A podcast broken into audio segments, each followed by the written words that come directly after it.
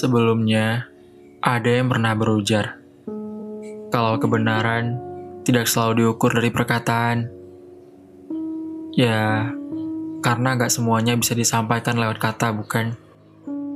Ada kalanya, tulisan menjadi media perantara yang sempurna. Menyampaikan berbagai kisah yang pernah patah dari penantian dan perjuangan mereka yang tidak kenal lelah.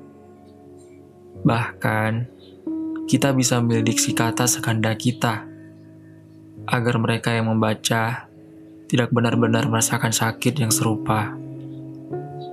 Iya, aku tahu, sangat perasa.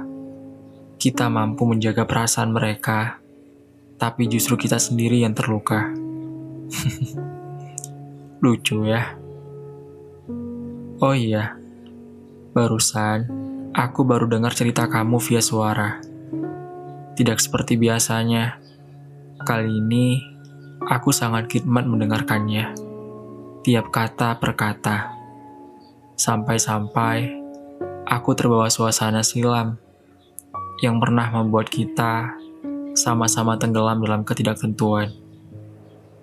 Pada langkah kita yang kini menjauhi, ketentuan tidak pernah utuh dalam mengasihi ibarat sebuah jeda. Jika terlalu lama, kita akan menunggu dalam tanda tanya. Dan sebaliknya, jika terlalu cepat, kita akan diselimuti rasa curiga. Serba salah rasanya.